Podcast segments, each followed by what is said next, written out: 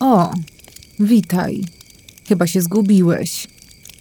Usiądź z nami przy ognisku i posłuchaj naszych opowieści. Przekonasz się, że w prawdziwym świecie zło czai się na każdym kroku i że nawet kiedy czujesz, że jesteś bezpieczny, gdzieś tam jest ktoś, kto właśnie cię obserwuje i czeka na twój moment słabości. Boisz się.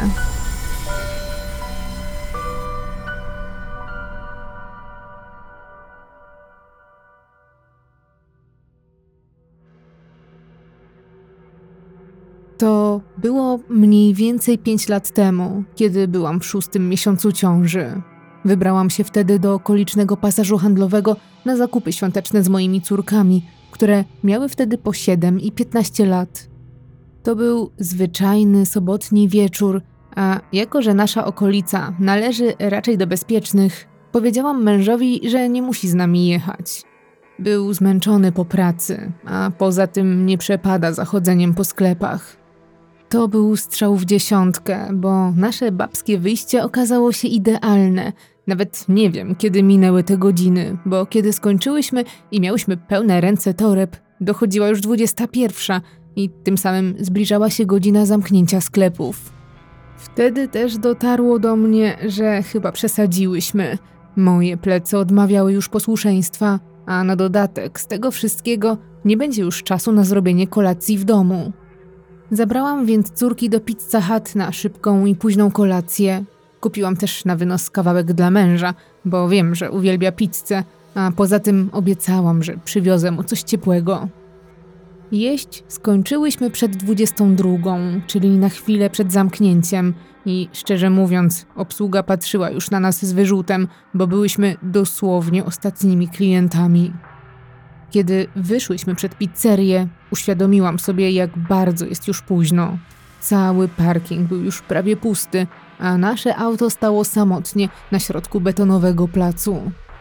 Kiedy szłyśmy w stronę naszej Toyoty, moje córki wesoło rozmawiały, a ja przez ramiona przywiesiłam torby z zakupami, żeby móc poszukać kluczyków do auta. Nie wiem czemu, ale dosłownie zawsze robię to na ostatnią chwilę.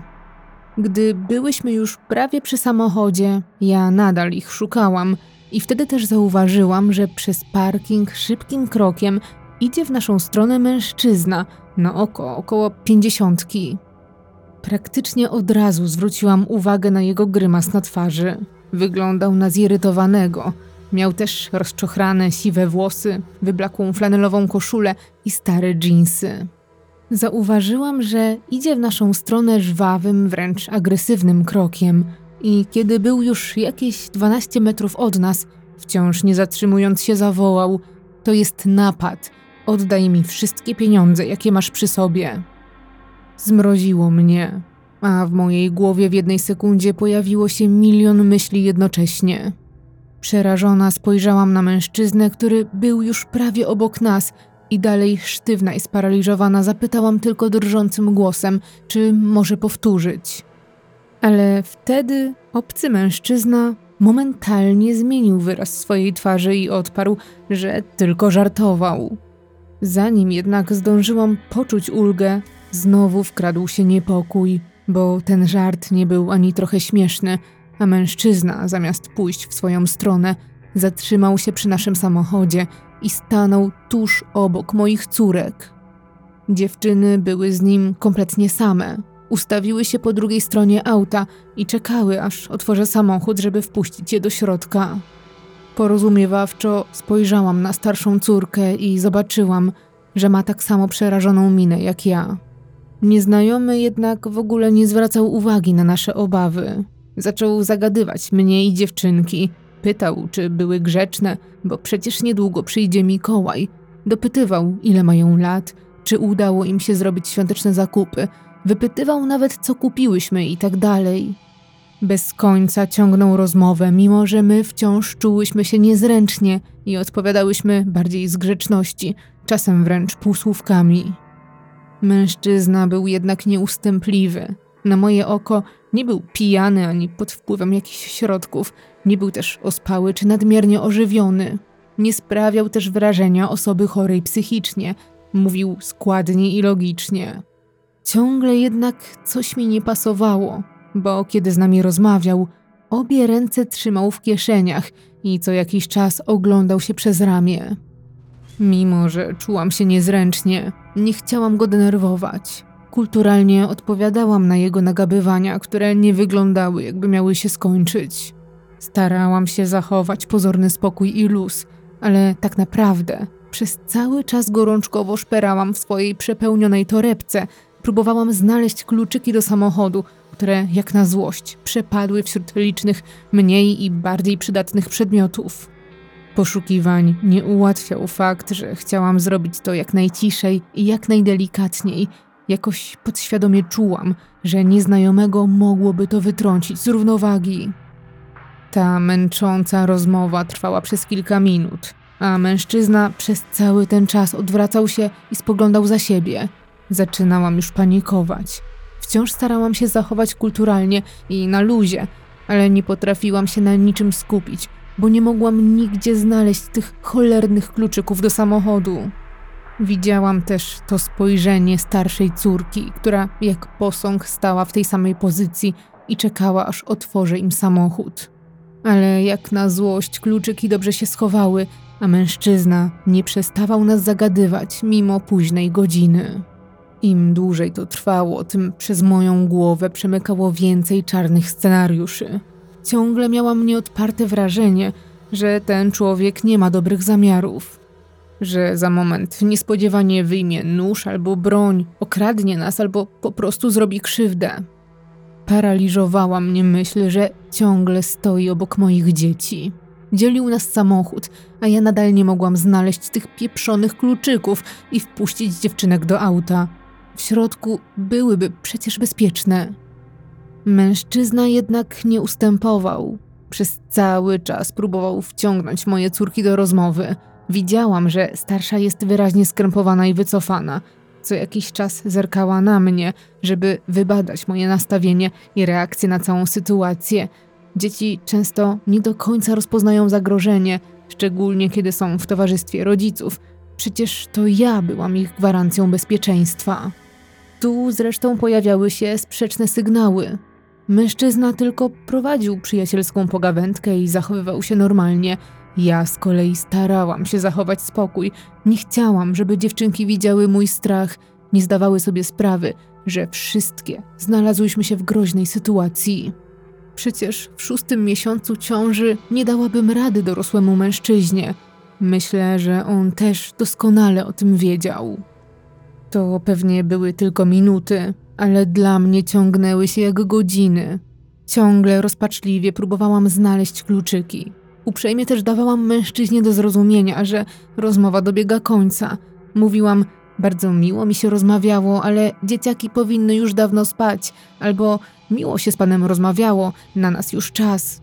W pewnym momencie poleciłam też dziewczynkom, żeby i one już pożegnały się z panem, co zresztą zrobiły, ale te uprzejme próby zakończenia rozmowy spełzły na niczym, bo mężczyzna zręcznie je udaremniał. Na nowo zagadywał, pytał dziewczynki, jaki jest ich ulubiony przedmiot w szkole, wychwalał, że bardzo miłe z nich młode damy. Ja przez ten cały czas walczyłam z torbami pełnymi zakupów i potem już bez skrępowania zawzięcie kopałam w ogromnej, zabałaganionej torebce w poszukiwaniu kluczyków. Na moje nieszczęście, młodsza córka kompletnie nie zdawała sobie sprawy, że sytuacja robi się mocno podejrzana. W jej uznaniu pan był całkiem miły i przyjazny, a poza tym, skoro była z mamą, nic złego nie mogło jej się stać. Dzieci właśnie tak myślą. Mimo, że wewnątrz mnie wszystko krzyczało, by nie dała się wciągnąć w pogawędkę, robiła to. Zaczęła opowiadać, co wybrała dla taty pod choinkę, a potem z zaangażowaniem rozprawiała o jakichś dziecięcych sprawach. Potem zapytała nawet mężczyznę, czy wie, co to Minecraft. Wciągnięty w rozmowę nieznajomy nie miał powodu, by odejść i zostawić nas w spokoju, a dzieci nawet nie miały pojęcia, że robię co w mojej mocy, żeby nas stąd wydostać. Nagle ogarnęło mnie przerażenie, bo przyszło mi do głowy, że może nie mogę znaleźć kluczyków, bo po prostu je zgubiłam, kiedy byłyśmy w galerii. Ta myśl dosłownie odebrała mi siły. Teraz stoimy na parkingu w towarzystwie jakiegoś dziwaka, który co chwila ogląda się za siebie i nie ma najmniejszego zamiaru odchodzić, a mnie nie potrafi opuścić uczucie, że tak naprawdę tylko czeka na odpowiedni moment, żeby nas zaatakować. Zaczęłam wyobrażać sobie, jak chwyta którąś z moich córek i grozi, że zrobi jej krzywdę. Na pewno wiedział, że zrobiłabym wszystko, żeby dzieciom nic się nie stało. Te myśli napędzały mnie i poczułam nagły przypływ adrenaliny. Serce waliło mi jak oszalałe, a żołądek wywijał fikołki. Miałam obawy, że lada moment stracę panowanie nad sobą, bo zaczęło do mnie docierać, że poza nami nie ma tu nikogo. Żadnych świadków, nikogo, kto pomoże. Byłyśmy na parkingu same z nieznajomym mężczyzną, który na pewno wyczuł okazję i wiedział, że nie damy mu rady. Jednak w pewnej chwili stało się coś, na co tak bardzo czekałam. Ni stąd, ni zowąd ten dziwny człowiek powiedział: No dobra, miło się z wami rozmawiało, do zobaczenia, i oddalił się w kierunku, z którego przyszedł. Zamarłam i prawie w tym samym momencie poczułam pod palcami znajomy kształt. Kluczyki do samochodu jednak były w mojej torebce. Natychmiast otworzyłam auto i kazałam dzieciom szybko wsiadać. Zablokowałam drzwi, uruchomiłam silnik i czym prędzej wyjechałam z tego przeklętego parkingu. Kiedy moje serce nadal waliło jak szalone, moja piętnastoletnia córka w sekundę rozluźniła się, zaśmiała i beztrosko rzuciła, że to było dziwne. Dopiero wtedy usłyszałam jej spokojny ton i ogarnęła mnie wielka ulga, choć nadal nie do końca rozumiałam, co się właściwie wydarzyło. Od razu zaczęłam analizować sytuację. Po co taki niby normalnie wyglądający człowiek późnym wieczorem podszedł do samotnej kobiety z dziećmi na pustym parkingu? A może rzeczywiście chciał tylko miło porozmawiać? Nic złego przecież się nie stało. Czyżbym to ja przesadzała, a może to te ciążowe hormony? W aucie poczułam się już bezpieczna, tym bardziej, gdy zobaczyłam, jak moje córki zupełnie już nie pamiętają o sprawie i wesoło rozmawiają o zakupionych prezentach. Ostatecznie i ja zbyłam całą sytuację żartem. Kiedy dotarłyśmy do domu, przywitał nas mój mąż. Kiedy zapytał, jak było na zakupach, odparłam krótko, że dobrze, bo nie chciałam go martwić. Ale gdy dopytywał, czemu jesteśmy tak późno, nasza piętnastoletnia córka zaczęła opowiadać mu, co wydarzyło się na parkingu. Śmiała się, że to było dziwne i że panu chyba brakowało towarzystwa. Sama też nie chciałam wracać do negatywnych emocji. Gdy córka opowiadała o dziwnej rozmowie, ja dopowiadałam w żartach, że w głębi duszy panikowałam, choć na zewnątrz zachowałam spokój. Śmiałam się sama z siebie, jak próbowałam niepostrzeżenie przekopać zawartość torebki w poszukiwaniu kluczyków i że chyba muszę zacząć nosić je na szyi. Ale mojemu mężowi nie było do śmiechu i gdy słyszał, co mówimy, nagle zbladł jak ściana. Kiedy zobaczyłam jego przerażenie, znowu próbowałam rozluźnić atmosferę. Zapewniałam go, że choć nieznajomy był dziwny, to tylko chwilę pogadał i po prostu poszedł. Zapomniałam wspomnieć o tym, że mój teść jest emerytowanym policjantem, a mój mąż sam był policjantem przez kilka lat, zanim poszedł na studia i zmienił branżę. Myślałam, że to dlatego tak poważnie podszedł do sprawy, ale było nieco inaczej. Gdy dziewczynki poszły już spać, dowiedziałam się, co go tak przeraziło w naszej historii.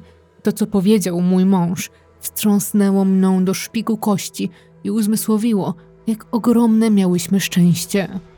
Mąż wyjaśnił mi, że nieznajomy na 100% nie szukał towarzystwa, a ciągnął tę niezobowiązującą pogawędkę, bo tylko czekał, aż otworzę samochód. Stanął obok dzieci nie bez przyczyny, bo prawdopodobnie miał pewien plan. Czekał, aż otworzy auto, a kiedy dzieci zaczną wsiadać, on wepchnąłby się na siłę razem z nimi, a potem przyłożyłby którejś nóż, by zmusić mnie do współpracy. Wiedział, że nie porzuciłabym dzieci, więc musiałabym też wsiąść do auta i posłusznie wykonywać jego polecenia. Prawdopodobnie kazałby mi jechać w jakieś odludne miejsce i nie wiadomo, co byłoby dalej. Jako, że nie miał zasłoniętej twarzy, najwyraźniej nie planował zostawić żadnych świadków, którzy mogliby go rozpoznać. Rzeczywiście, wtedy przypomniałam sobie, że mężczyzna stanął przy tylnych drzwiach, tuż obok mojej siedmioletniej córki. I teraz, jak o tym myślę, to naprawdę był jakby przygotowany na ruch. To wszystko brzmiało przerażająco realnie. Ale dlaczego odpuścił? Mąż wyjaśnił mi, że nieznajomy prawdopodobnie oddalił się, bo tak długo nie mogłam znaleźć kluczyków do samochodu. Im dłużej musiał czekać, tym bardziej tracił zapał, ale też ryzykował, że ktoś go nakryje. Gdy więc ja rozpaczliwie przekopywałam torebkę w poszukiwaniu kluczy, opatrzność najwyraźniej nad nami czuwała, ukryła je przede mną, żeby ocalić mnie i moje dzieci przed uprowadzeniem, a przypuszczalnie także przed czymś o wiele gorszym. Pewnego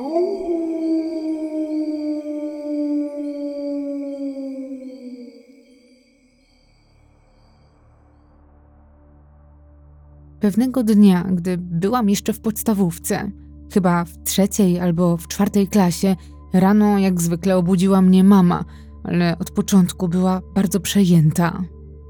Okazało się, że zaspała do pracy, a ponieważ zawiodła jako mój prywatny budzik, było pewne, że nie zdążę na swojego szkolnego busa. Lekcje zaczynały się o ósmej, a szkolny bus pod moim domem pojawiał się zawsze chwilę po siódmej. Tymczasem już był czas, by powoli wychodzić, a ja miałam jeszcze na sobie piżamę i nie jadłam śniadania. Mamie zrobiło się mnie żal. Nie miała serca wysłać mnie na przystanek w takim stanie – Dlatego trochę zmieniła poranne plany i postanowiła, że powie kierowcy, żeby pojechał beze mnie. Zamiast tego obiecała, że to ona podwiezie mnie do szkoły, żebym mogła zjeść i przygotować się bez pośpiechu. Tak więc siedziałam przy stole w kuchni i spokojnie jadłam kanapkę, ciągle ubrana w piżamę. Nasz bus robił spore kółko, zabierając inne dzieci z okolicy, a nasz dom był na samym początku trasy. Z domu wychodziłam więc blisko godzinę przed lekcjami, mimo że tak naprawdę bezpośredni dojazd do placówki trwa jakieś 20 minut. Tak więc, wbrew pozorom, to zaspanie mojej mamy było dla mnie na plus, bo dało mi dużo czasu i nie musiałam się z niczym śpieszyć. Jednak w pewnym momencie ten beztroski poranek zaczął wyglądać inaczej niż myślałam. Dochodziła 6.50, gdy usłyszałam, jak bus podjeżdża pod naszą furtkę, czyli dobre 10 minut przed czasem. Mama wychyliła się przez drzwi i w porannej mgle pomachała kierowcy na znak, żeby jechał dalej, po czym zamknęła drzwi i wróciła do stołu, przy którym dopijała poranną kawę. Wtedy też zapytałam mamę, czy kierowca na pewno ją widział, bo bus wciąż nie odjeżdża. I kiedy brałam kolejnego kęsa kanapki, w naszym domu rozległ się dźwięk pukania do drzwi. Otworzyła moja mama, która zobaczyła przed sobą kierowcę busa. Mężczyzna wyjaśnił, że jest zastępcą stałego pracownika z firmy transportowej, który dzisiaj nie mógł przyjść do pracy, bo poszedł na L4. Od razu dodał też, że jest świadomy tego, że jest zbyt wcześnie, ale wyjechał z zapasem czasu, bo nie zna trasy i nawet nie był pewien, czy trafi do pierwszego domu, a teraz będzie miał towarzystwo i ewentualną pomoc. Moja mama szybko jednak ostudziła jego zapał i wyjaśniła mu, że niestety tym razem nie pomożemy, bo zaspaliśmy i jeśli miałby na nas czekać, to na pewno spóźni się na kolejne przystanki. Mężczyzna wyraźnie się tym zmartwił i trochę naciskał – Stwierdził, że możemy się trochę pośpieszyć, a on może trochę poczekać, i w ten sposób wszyscy jeszcze mamy szansę się zgrać. Ale moja mama stanowczo mu odmówiła. Wiedziała, że moje poranne szykowanie się potrwa znacznie dłużej niż kilka minut i że nie po to zmieniała plany, żeby teraz znowu działać w pośpiechu. Kierowca, już niezmartwiony, a ewidentnie zdenerwowany sytuacją i tym, że niczego nie ugrał, w końcu odpuścił, wrócił do busa i odjechał. Wreszcie mogłam spokojnie skończyć swoje śniadanie i gdy już prawie miałam pusty talerz, równo o godzinie siódmej, stało się coś bardzo dziwnego. Pod nasz dom znowu podjechał bus i ewidentnie na mnie czekał.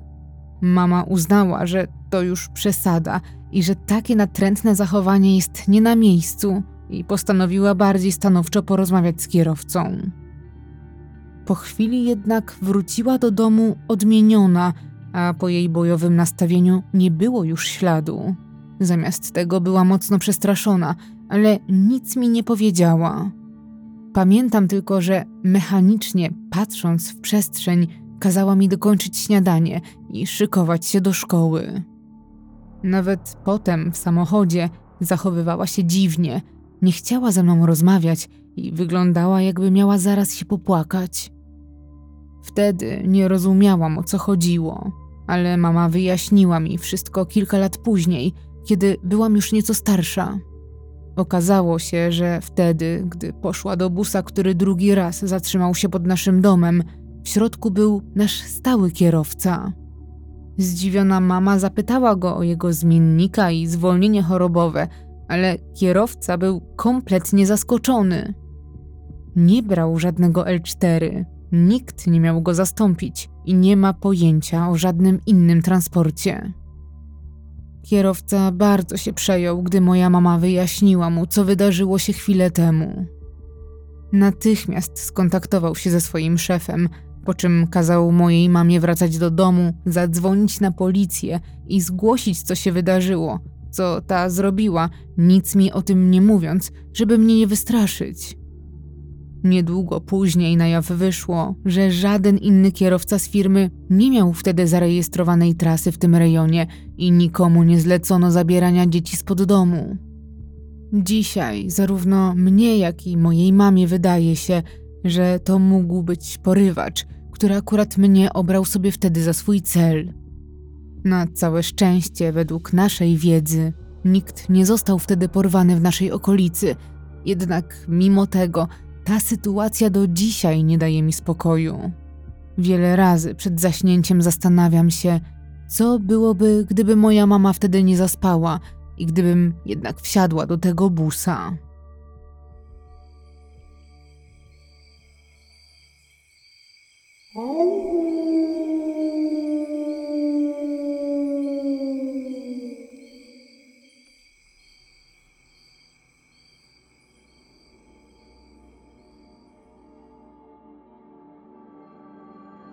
Dwa lata temu przeprowadziłam się do jednego z większych miast, ale zdecydowanie nie dla widoków czy atrakcji.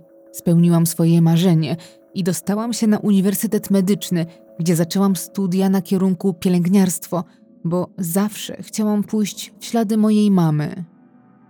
Na czas studiów, razem z czterema współlokatorkami, zamieszkałam w szeregowcu z dala od akademików, bo było tu spokojniej, ale też znacznie taniej. Co prawda, musiałyśmy dojeżdżać dłużej niż nasi znajomi z akademików, ale było warto. Uwierzcie mi, nie ma nic lepszego niż kawałek ogródka w upalne lato w mieście. Jak to w czasie studiów, dużo się u nas działo. Regularnie wychodziłyśmy na miasto, ale też od czasu do czasu robiłyśmy imprezy w naszej szeregówce.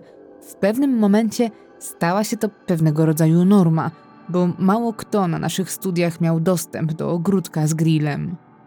Był to wąski segment, parter, piętro plus piwnica, z tym, że do piwnicy, zgodnie z prośbą właścicieli, nie miałyśmy dostępu i była zamknięta na klucz. Miałyśmy też do dyspozycji spory taras, murowany grill i przede wszystkim to, co ja uwielbiam łazienkę z dużą wanną.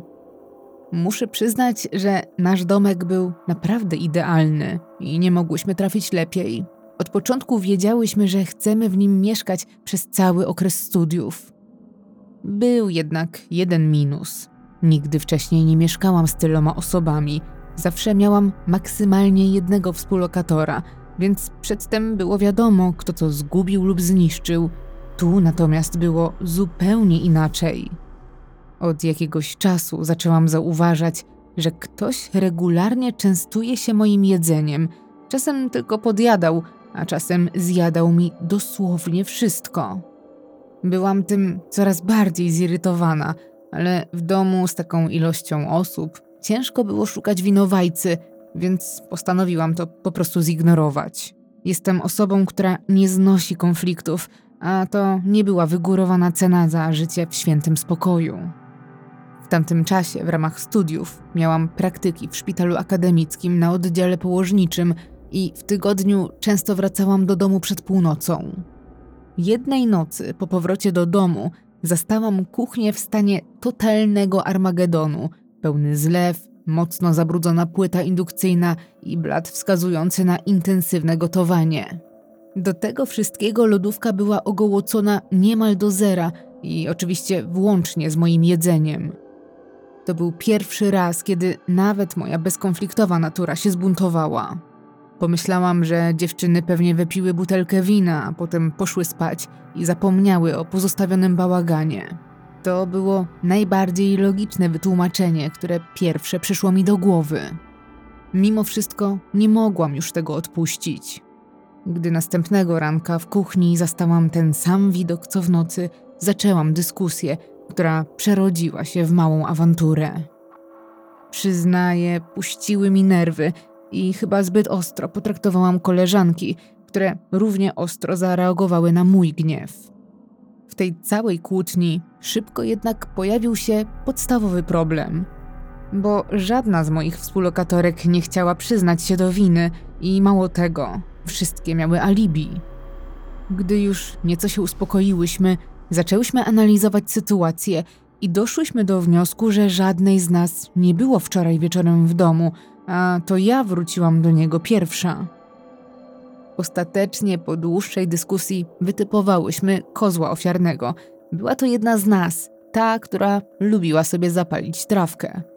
Uznałyśmy, że to brzmi najbardziej logicznie. Pewnie po paleniu miała gastrofazę i po prostu nie umiała nad sobą zapanować.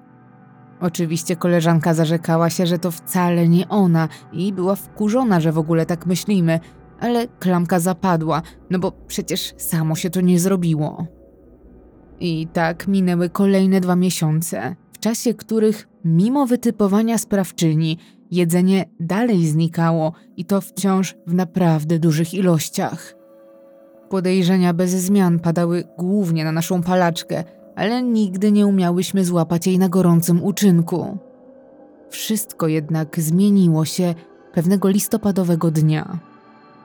Miałam wtedy praktyki na wieczorną zmianę i gdy już zbierałam się do wyjścia, w szpitalu pojawił się nagły przypadek, przez co musiałam zostać dłużej i wyszłam dopiero po pierwszej. Kiedy doczłapałam do domu, byłam tak wyczerpana, że myślałam już tylko o wskoczeniu prosto do łóżka.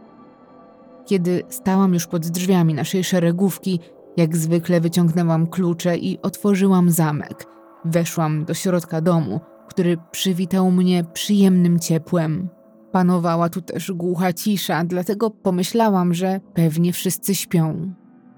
Schody w naszym szeregowcu usytuowane są bezpośrednio naprzeciwko drzwi wejściowych i stojąc w takim mini przedpokoju, po lewej stronie widać kawałek kuchni. Kiedy zdejmowałam buty, kątem oka zauważyłam, że ktoś w niej jest, ale byłam zbyt zmęczona, żeby się przywitać. Nie miałam ochoty na półgodzinną rozmowę o niczym, więc od razu ruszyłam przed siebie i zaczęłam wspinać się po schodach, nie zapalając nawet światła. Kiedy dotarłam na piętro, zauważyłam, że drzwi do pokoi moich współlokatorek są zamknięte, co trochę mnie zdziwiło, bo zawsze oznaczało to, że wszystkie już śpią albo że nie ma ich w domu, a przecież na dole ktoś urzędował w kuchni. Wtedy znikąd naszło mnie to dziwne, złowrogie przeczucie, które sprawiło, że wręcz wskoczyłam do swojego pokoju i wysłałam wiadomość na nasz czat grupowy z pytaniem, która z dziewczyn przebywa teraz w kuchni. Od razu jednak poczułam się głupio, że w ogóle wysyłam taką wiadomość. Przecież żadna nie musi się z tego tłumaczyć. Chciałam więc ją cofnąć i udawać, że nic takiego nie napisałam, ale jedna ze współlokatorek zdążyła już odczytać i odpisała, że ona leży w łóżku, a pozostałe dziewczyny wyjechały na weekend do domu. Zmroziło mnie. Poczułam przypływ adrenaliny, aż zaczęły mi się trząść ręce i nogi. Nie wiem dlaczego, ale całą sobą czułam, że coś jest nie tak i wybrałam na telefonie numer 112, ale nie wcisnęłam guzika połącz. Wolałam się upewnić, że nie wszczynam alarmu bez powodu. Po cichu, ale z walącym sercem zakradłam się na drugą stronę korytarza, do pokoju mojej współlokatorki, żeby sprawdzić, czy rzeczywiście jest w łóżku. I gdy tylko uchyliłam drzwi, zobaczyłam, że leży po ciemku, a w zasadzie zobaczyłam tylko jej oświetloną telefonem twarz. Koleżanka nawet nie zorientowała się, że uchyliłam drzwi, co było dla mnie lepsze. Po cichu zakradłam się także do jej łóżka. Powiedziałam, że to ja i żeby była cicho, bo chyba nie jesteśmy same w domu. Współlokatorka aż podskoczyła, bo zupełnie się mnie nie spodziewała, po czym zaczęła dopytywać mnie o co chodzi, na co kazałam jej ściszyć głos i powtórzyłam raz jeszcze, że ktoś jest w naszej kuchni. Na szczęście szybko zrozumiała powagę sytuacji, a jej twarz wyglądała jakby zobaczyła ducha. Pewnie pomyślała o tym samym co ja, bo jakiś tydzień wcześniej ktoś włamał się do domu ulicę dalej. Teraz już obie byłyśmy spanikowane i żadna z nas nie miała zamiaru sprawdzać, czy na pewno ktoś jest w naszej kuchni.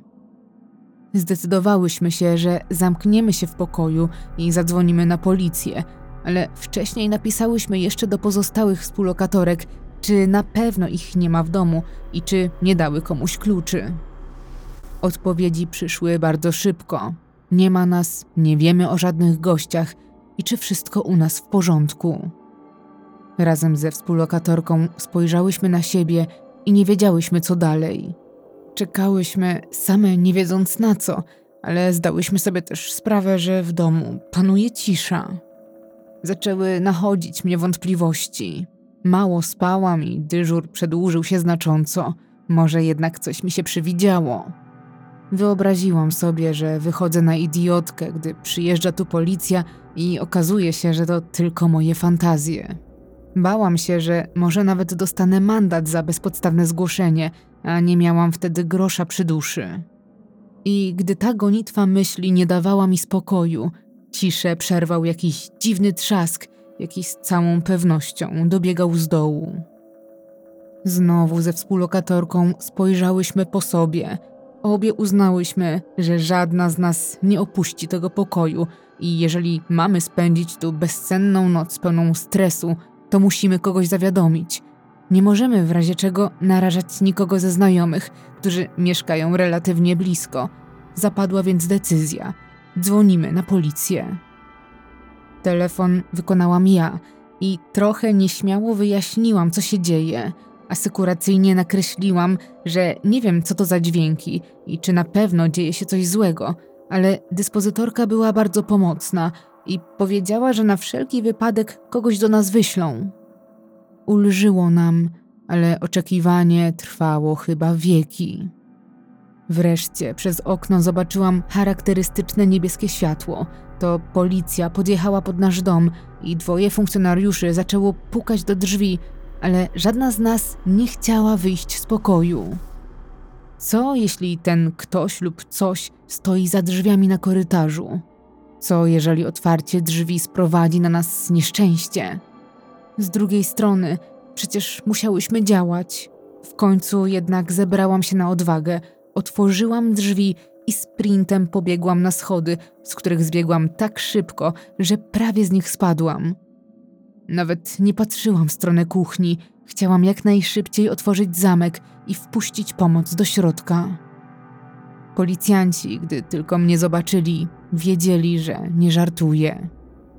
Na mój widok stali się spięci i bardzo ostrożnie weszli do środka i zaczęli się rozglądać. Zapalali światło za światłem, wołali, pytając, czy ktoś tu jest, ale z góry odpowiedziała im tylko moja współlokatorka. W końcu mundurowi weszli też do kuchni i zaczęli sprawdzać każdy kąt, ale nikogo tu nie było. Nie było też żadnego śladu włamania, wszystkie okna były zamknięte i nic nie wyglądało podejrzanie. Z każdą kolejną minutą czułam zażenowanie, że narobiłam sobie tylko obciachu. Mimo wszystko, policjanci podeszli do sprawy bardzo poważnie i chcieli sprawdzić cały dom. Weszli jeszcze na górę, gdzie zajrzeli nawet do mojej zagraconej garderoby i kiedy już kończyli, zapytali mnie, czy dom ma jeszcze jakieś inne piętra, na co odpowiedziałam, że technicznie rzecz biorąc jest jeszcze piwnica, ale jest zamknięta na klucz i nie mamy do niej dostępu. Mimo to policjanci zdecydowali, że sprawdzą także piwnicę, chociaż powtarzałam im, że raczej tego nie zrobią, bo żadna z nas nie ma do niej klucza. Mundurowi nie słuchali jednak mojego tłumaczenia i skierowali się w stronę dość wąskich drzwi pod schodami. Gdy byli już prawie na miejscu, zmroziło mnie i serce zaczęło mi znowu walić jak szalone. Bo drzwi, które jak zawsze myślałam są zamknięte na cztery spusty, były minimalnie uchylone. Policjanci wyraźnie zaniepokoili się tym widokiem, przybrali pełną gotowości pozycję i weszli do piwnicy, a to, co tam znaleźli, wprawiło w osłupienie nas wszystkich. W środku ciemnego i cuchnącego wilgocią i brudem pomieszczenia znajdował się materac, koc i sterta ubrań, a pod nim ukrywał się jakiś człowiek. Był brudny, zarośnięty i mamrotał coś pod nosem. Przy jego materacu leżało mnóstwo pustych opakowań po tym, co od wielu miesięcy ginęło nam z kuchni. Prawda okazała się szokująca. Prawdopodobnie od kiedy tu się wprowadziłyśmy, w naszej piwnicy mieszkał jakiś obcy człowiek, który wychodził w nocy, kiedy wszystkie już spałyśmy. Najpewniej też doskonale znał nasze zwyczaje, dlatego tak długo żadna z nas niczego się nie domyśliła. Po wszystkim mężczyzna został wyprowadzony z naszego szeregowca, ale gdy policjanci chcieli spisać jego dane i wyjaśnić sprawę, wykorzystał chwilę nieuwagi i uciekł. Nikt nie zdążył mu się nawet przyjrzeć ani niczego od niego dowiedzieć. Wezwany na miejsce właściciel był równie zaskoczony co my. Zapierał się, że nie miał pojęcia, że ktoś mieszka w piwnicy. Tłumaczył, że zamknął pomieszczenie, bo na dole widywał szczury i nie chciał, żeby przedostały się do środka, gdyby ktoś z wynajmujących nie zadbał o to, żeby dobrze zamykać drzwi. Ostatecznie więc do dzisiaj nie wiemy, kim był ten człowiek, jak długo z nami mieszkał i jakie tak naprawdę miał zamiary. Najbardziej przeraża mnie jednak to, że nigdy nie zamykałyśmy swoich pokoi na klucz i ten dziwak miał swobodny dostęp do każdej z nas, a my nie miałyśmy o tym pojęcia. Nie mogłyśmy już mieszkać w tym domu. Wyprowadziłyśmy się wszystkie i to w przeciągu tygodnia. Na całe szczęście w nowym miejscu nie ma już piwnicy. Boisz się.